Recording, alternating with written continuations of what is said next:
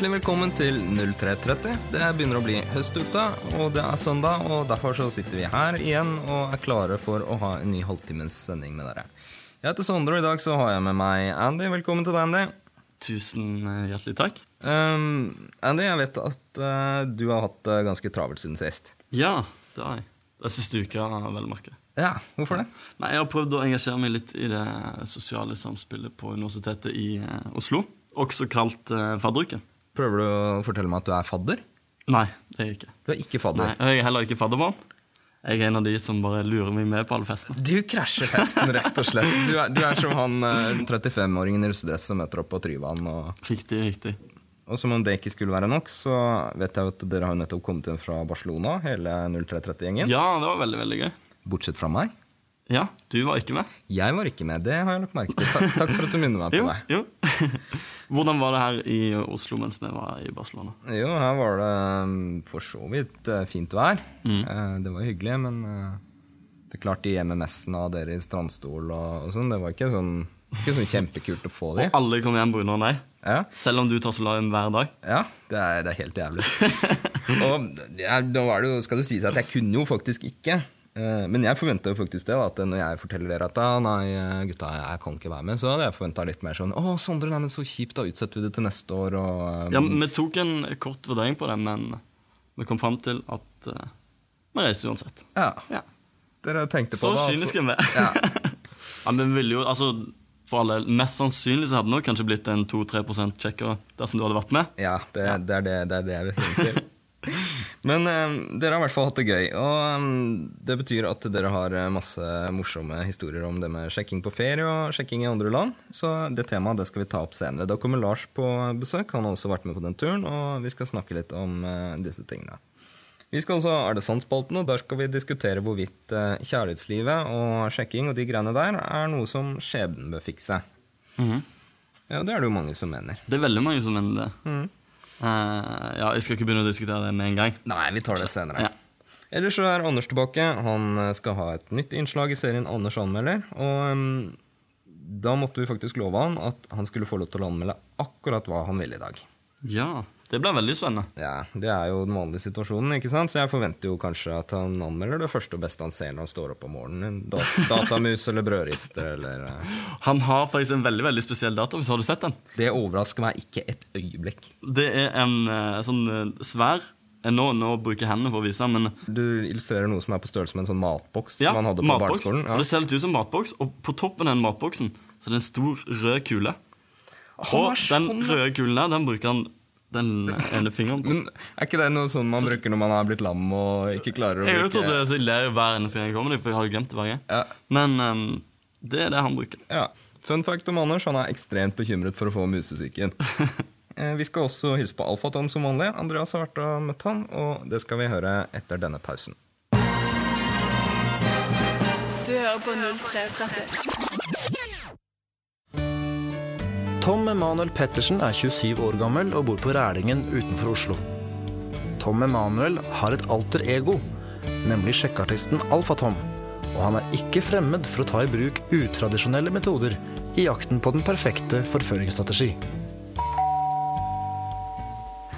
Hei, det er Andreas fra 033 Å, fytt Du, nå syns jeg det Oi, nå lukter det veldig, veldig stramt her, Alfa Tom.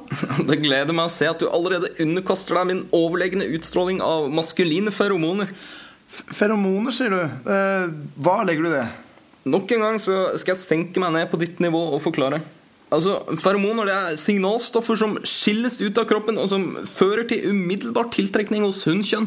Det har jeg hørt om, men, men eh, det er veldig mye diskusjon rundt dette her med menneskelige feromoner. For min del er denne diskusjonen fullstendig irrelevant. Og jeg velger uansett en mer potent kilde. Potent kilde, hva legger du i det? Jeg bruker kun de mest konsentrerte tinkturer fra f.eks. Alkes Alkes, som er kjent for sin majestetiske og dominerende framtoning.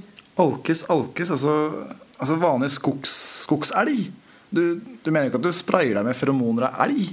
Misforstår du som vanlig, det har jeg aldri sagt. Jeg vet, jeg, hæ? Du sa at du Spray er fullstendig utilstrekkelig. Jeg har et fat på 400 liter hvor jeg legger hele mitt legeme og alle mine klær i bløtt. Det er ikke bare bare å være sjekkeartist. Alfatom opplever stadig skepsis og motgang fra det etablerte samfunnet, forklarer han. Det er klart at mange føler seg truet av min fremtoning og mitt virke som sjekkeartist, men nå har det altså gått så langt at det offentlige har begynt å blande seg inn. Få se her, Du har et, fått et brev her. Her står det 'Varsel om sanering av eiendom'. Du tror ikke det er en konsekvens av at du har 400 liter med konsentrerte elgferomoner i bakhånden? da? Det er det rene visvas. Dette brevet er et patetisk angrep på min livsstil som sjekkartist.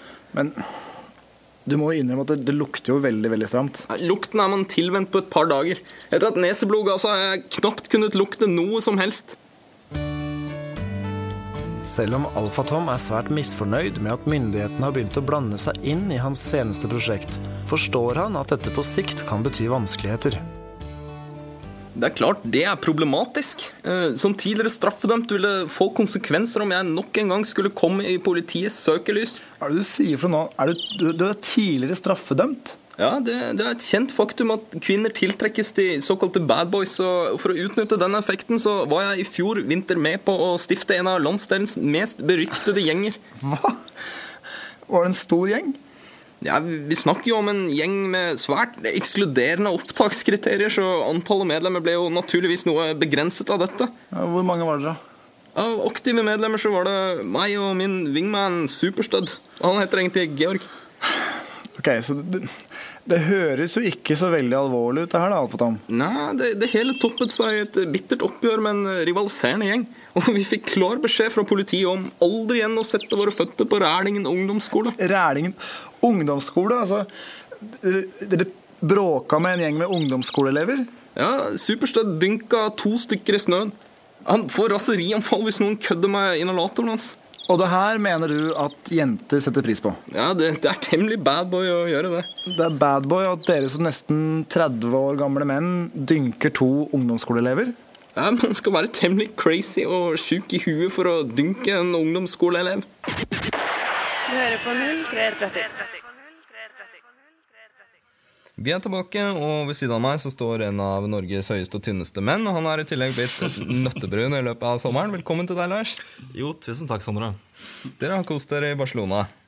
Det har vi. Ja. Um, vi tenkte jo det at siden dere har vært på ferie, så kunne vi snakke litt om det der med sjekking på ferie. Hva slags sted var stedet dere var på, Andy? Var det høy sjekkefaktor der? Nei, Nei. det var ikke det. Dere har vært på familiehotell og vært i Bamseklubben og Nei, men sjekkefaktoren Altså, jeg, jeg, jeg ser ikke sjekkefaktoren som en sånn typisk faktor, men jeg ser på det mer som ja, det er jenter tilgjengelig.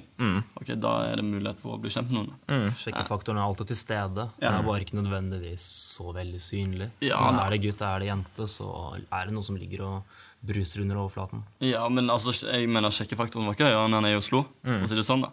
Var det annerledes i Barcelona? Er det annerledes regler enn det er i Oslo? Fra hva jeg har erfart sjøl, både hjemme i Oslo, andre steder i Norge og andre byer generelt i verden, så er det hva jenter reagerer positivt på, hva som de blir tiltrukket og liker, er mer eller mindre likt. Det er de samme faktorer som spiller inn, men da har du mer de kulturelle faktorene som avgjør i hvor stor grad de kan vise interesse på det, og handle, ikke minst handle på det. Ja, for du har jo du har erfaring fra enda mer eksotiske steder. Jeg vet Du har annet vært i Tokyo, og Japan. Stemmer. Og Da begynner man virkelig å snakke kulturforskjeller. Norge og Barcelona det er jo på en måte, det er jo noen forskjeller, men eh, Norge og Japan, der, der er det kulturforskjeller. Ja, det var litt annerledes eh, der, det var det. Mm. jeg merka der når jeg, når jeg var ute Jeg reiste med en kamerat, og vi ville så klart også prøve utestedene. Selv om vi var der for å se. Jeg er veldig glad i japansk kultur. Jeg syns språket er kjempekult. Men jeg merka på utestedene at eh, det gikk litt saktere, på en måte. Det var eh, Jentene var mye mer forsiktige og tilbakeholdne. Men eh, fortsatt så var de Altså, de gikk ikke bort, det var ikke avvisende. Bare tempoet var mye saktere. Ja, interessant. Men du, du tror ikke det kan ha noe med at du faktisk kommer fra et annet land, og de er litt skeptiske til deg på hvordan europeere er? For de har sikkert mest sannsynlig ikke truffet veldig mange europeere i løpet av livet sitt.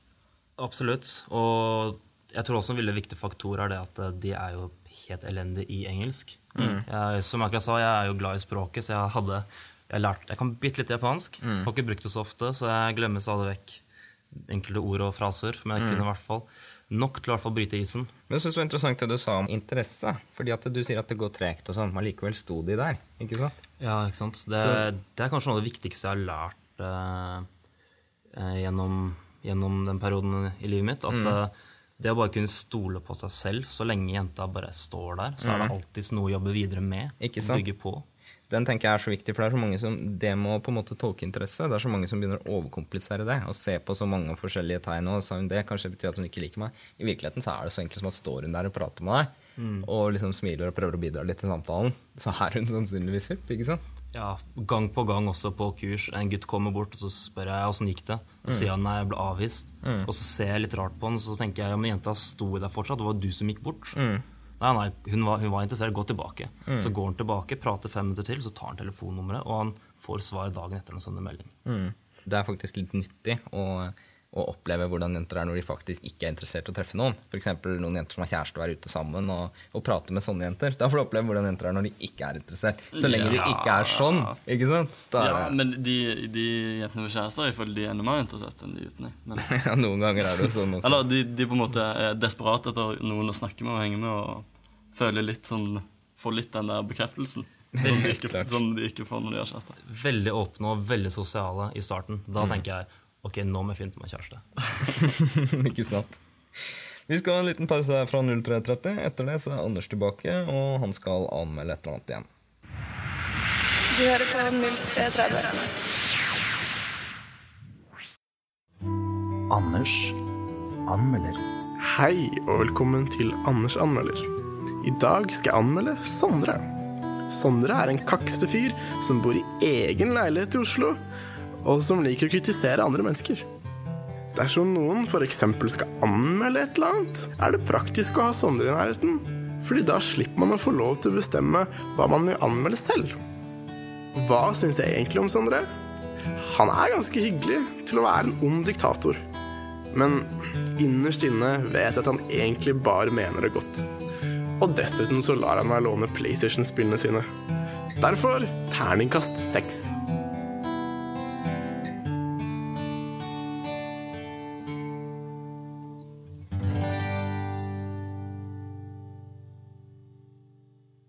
Jeg tror Anders er forelska i deg, Sondre. ja, Det kan virke sånn. Han er jo søt, da.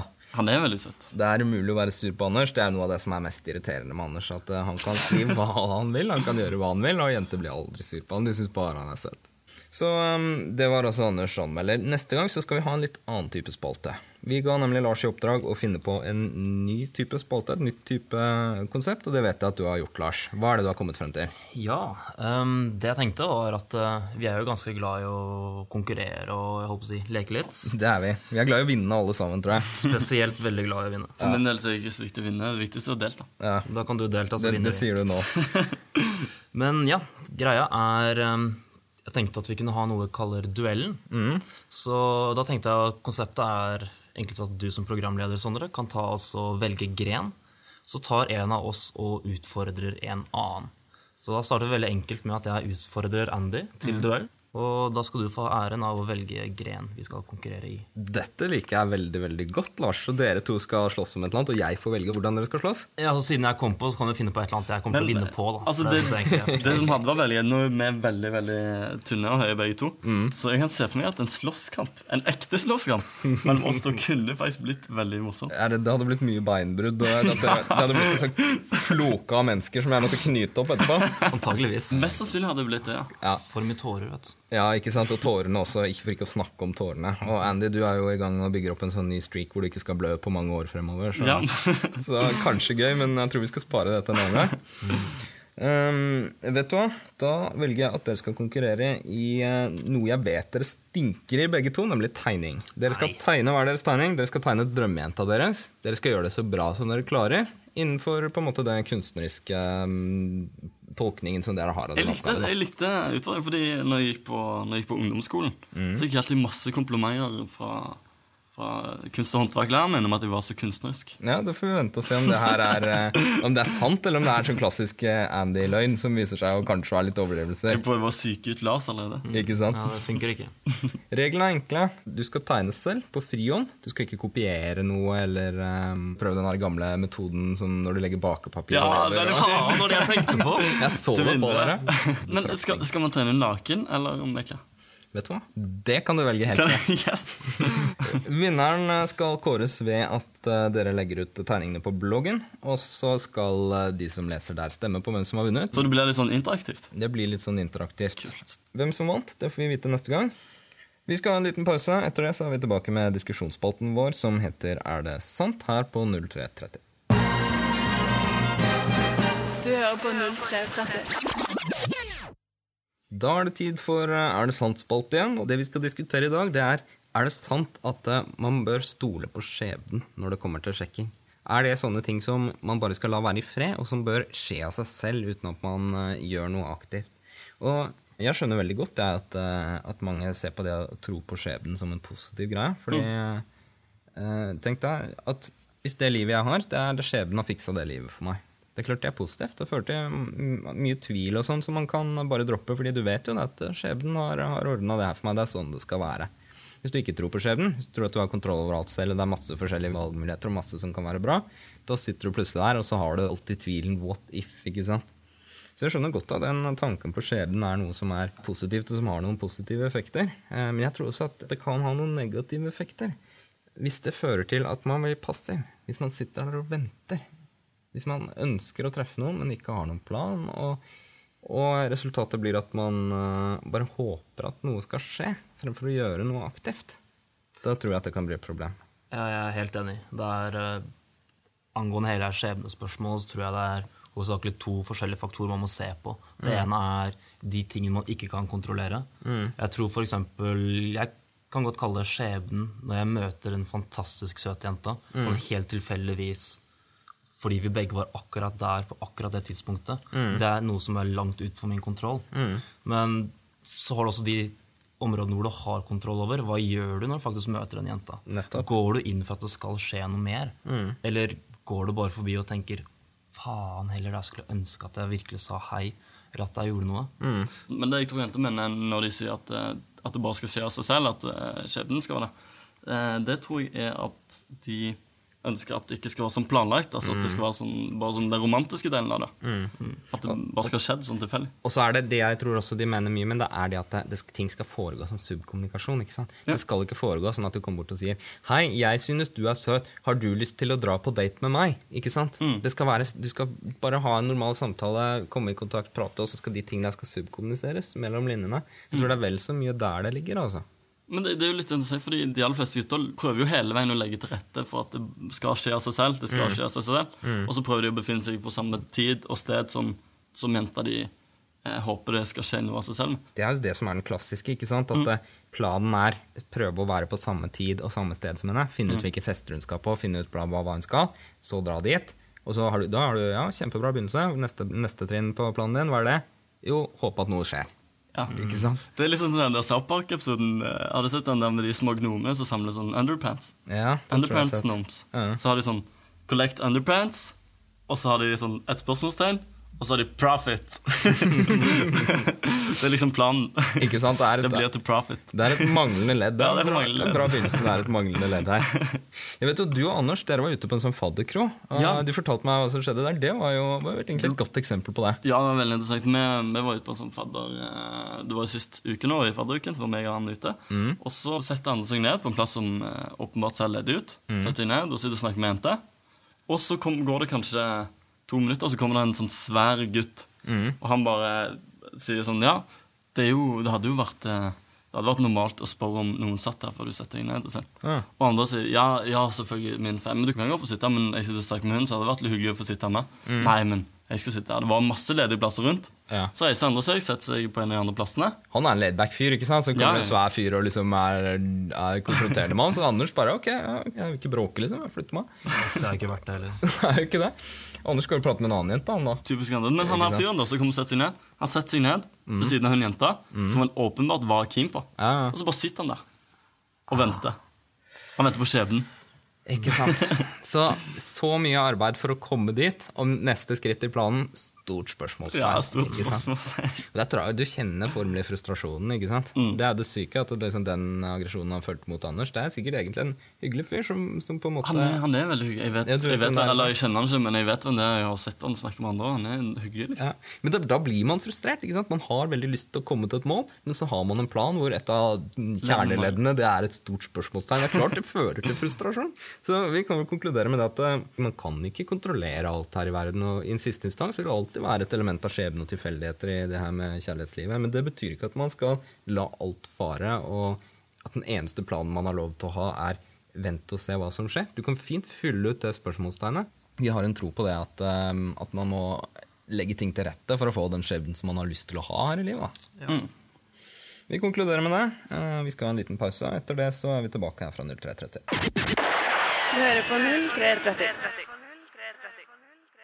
Da har vi kommet til veis ende i dagens sending. Eh, Vi gleder oss til neste uke, hvor vi får vite hvem av Lars og Andy som er best til å tegne.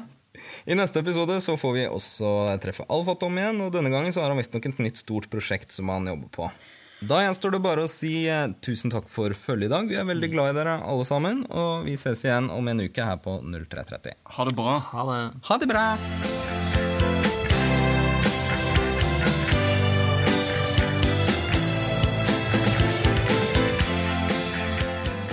Men Sondre, tror du at det var skjebnen at vi to møttes? Ja, for siste gang, din? Nei, jeg tror ikke at det var skjebnen.